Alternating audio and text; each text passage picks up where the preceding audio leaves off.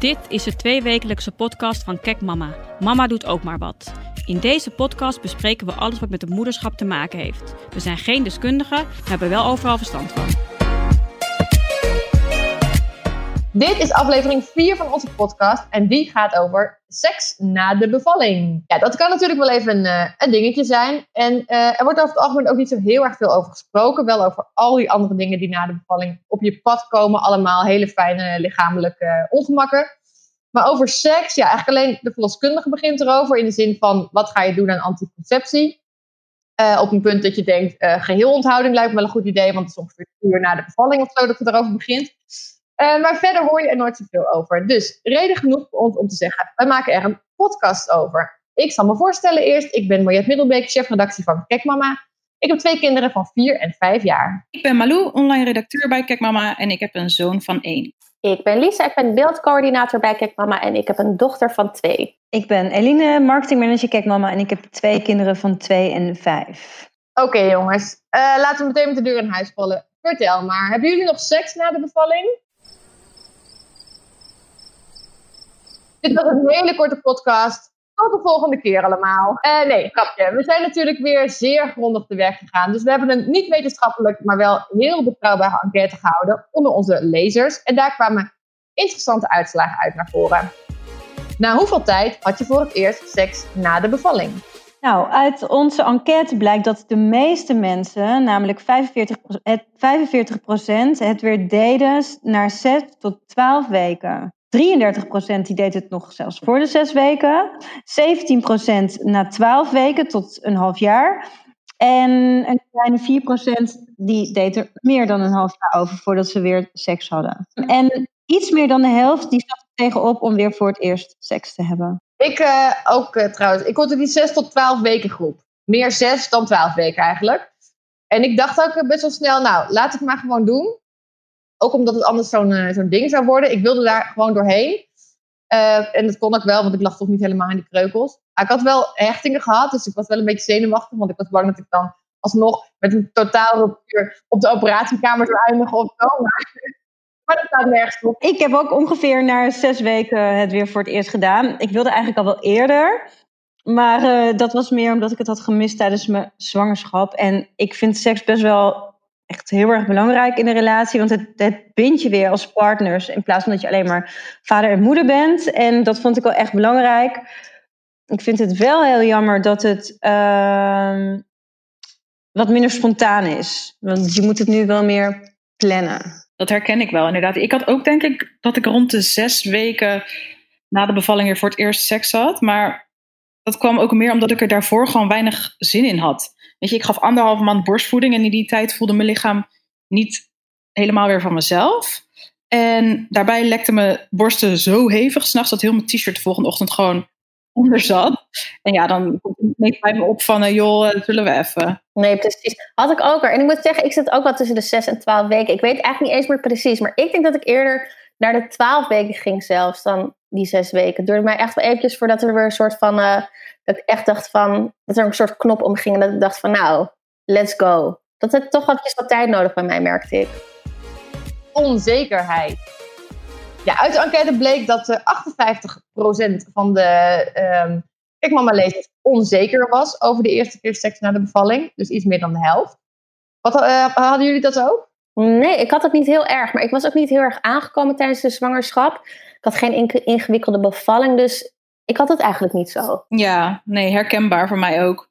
Door het geven van borstvoeding viel ik zoveel af ineens dat ik, ja, dat ik denk wel lichter was dan voor mijn zwangerschap nog. En dat scheelde voor mij wel heel veel. Ik snap dat als je, als je zwangerschapskilo's er lastig afgaan en als je ja, in combinatie met je hormonen allemaal, uh, nou ja, al dat gedoe dat, en slaapgebrek natuurlijk, dat je ja, dat je wel onzeker kunt worden. Ja, dat snap ik ook wel. Maar daar had ik ook geen last van. Maar wat ik wel had met um, het geven van borstvoeding, ik had echt allemaal van die blauwe aders over mijn borsten. En um, ja, dat kwam dus door de borstvoeding. En daar was ik wel een beetje onzeker over. En mijn tepels die waren gewoon heel groot en heel donker. En toen dacht ik wel soms, oh my. Dus dat vond ik wel een dingetje. Ja, dat had ik ook. En dat wist ik wel van tevoren dat dat zou gebeuren. Maar toch vond ik dat niet uh, heel uh, sexy. Maar ik was er ook niet echt onzeker over. En Het scheelt ook wel dat mijn man gewoon normaal over deed. Hij vond het ook niet vervelend of zo. Ik had nog niet echt mijn lichaam terug. Ik had wel echt een, uh, een buik. Als je aan de ene kant erop tikte, dan trilde het door naar de andere kant.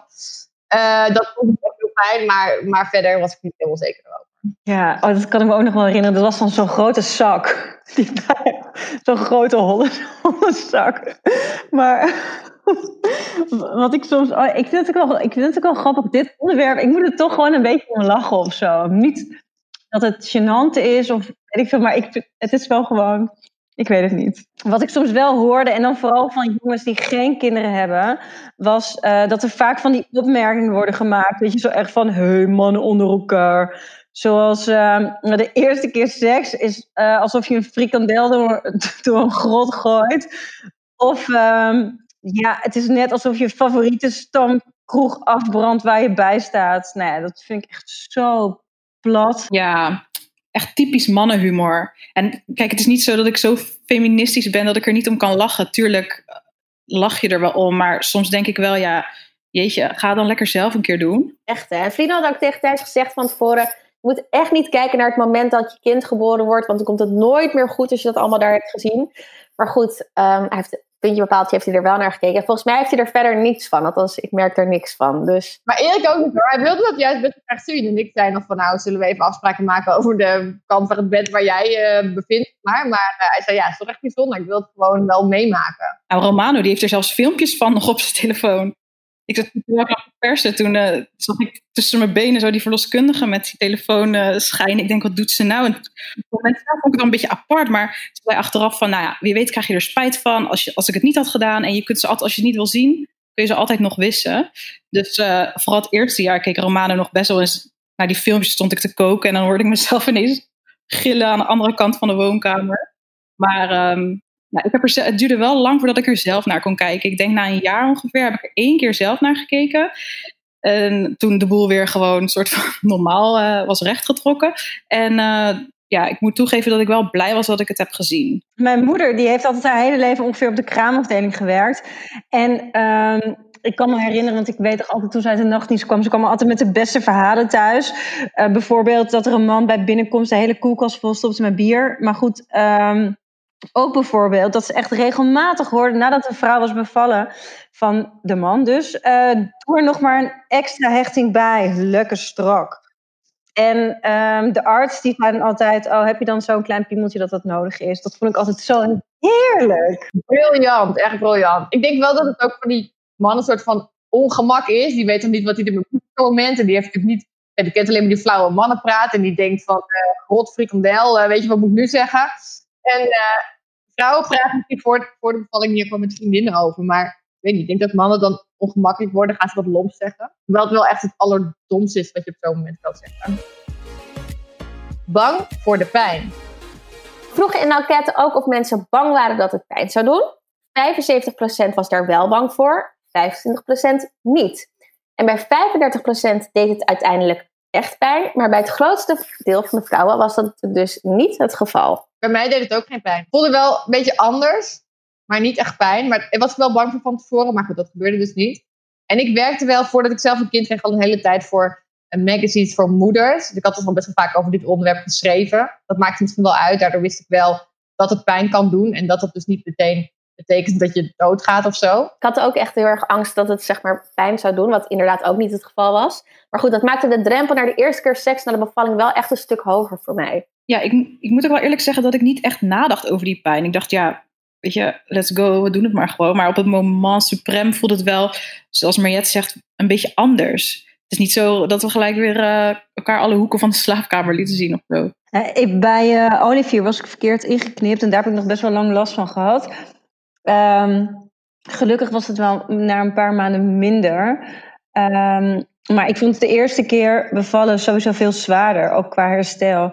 En bij Verlijn was dat heel echt compleet anders. Want na twee uur later, twee uur later zat ik alweer Chinees te eten met mijn familie thuis. Alsof er niks was gebeurd. En daardoor kwam de zin ook, denk ik, veel eerder terug. Omdat je geen hechting had, je was niet ingeknipt. Dus het ligt ook echt gewoon heel erg aan die bevalling, denk ik.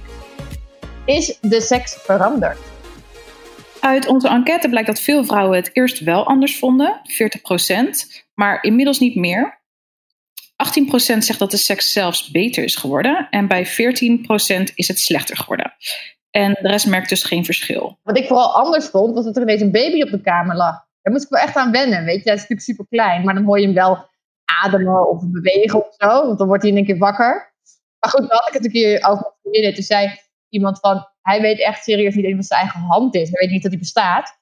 Uh, staan dat je weet wat uh, papa en mama allemaal aan het doen zijn. Maar goed, je luistert er toch wel naar. Of je voelt meteen melk toeschieten. Sowieso, borstvoeding en seks is niet een combinatie om per se naar seks te verlangen. Ja, want uh, als je dan klaarkomt, dan spuit de melk Ja, en daarbij ook, kijk, je borsten zijn altijd iets seksueels geweest. En ineens is het voeding voor je kind. Het is gewoon alsof je hele lichaam ineens aan je kind toebehoort, of althans een deel ervan. En ik hield ook meestal mijn voedings aan, want die zijn natuurlijk, zoals iedereen weet, echt super sexy. Weet je, zijn die dingen echt gemaakt. Maar ja, dan hebben we die kleppen. Maar het is ook wel sexier dan melk all over the place. Ja, maar het, het, is ook best wel moeilijk omschakelen. Want als Bobby dan net had gedronken, dan moest ik echt een soort van knop omzetten van nu ben ik een moeder die borstvoeding geeft, naar nu ben ik de sexy partner. En ik merkte wel dat toen ik um, was gestopt met borstvoeding, dat het daarna wel anders werd.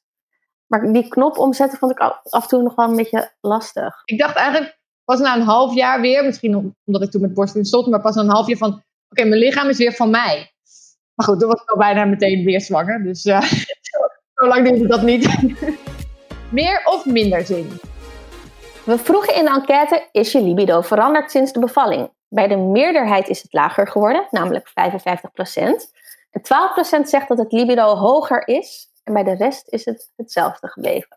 Nou, net na de bevalling was het wel uh, lager bij mij. We deden het wel, maar ik stond echt niet elk moment uh, te springen. Maar goed, dat trok uiteindelijk ook wel weer bij. Maar ik ken wel echt mensen die echt, echt, echt niet wilden na de bevalling. Bij wie het gewoon echt maanden heeft geduurd. En de meesten hadden dan wel echt een moeilijke bevalling gehad. Maar soms ook omdat ze gewoon echt alleen met de baby bezig waren. En één vriendin zei letterlijk tegen mij: De buit is binnen. Moet ik wel heel erg om lachen hoor. Maar toch denk ik wel van ja, het is nog wel goed.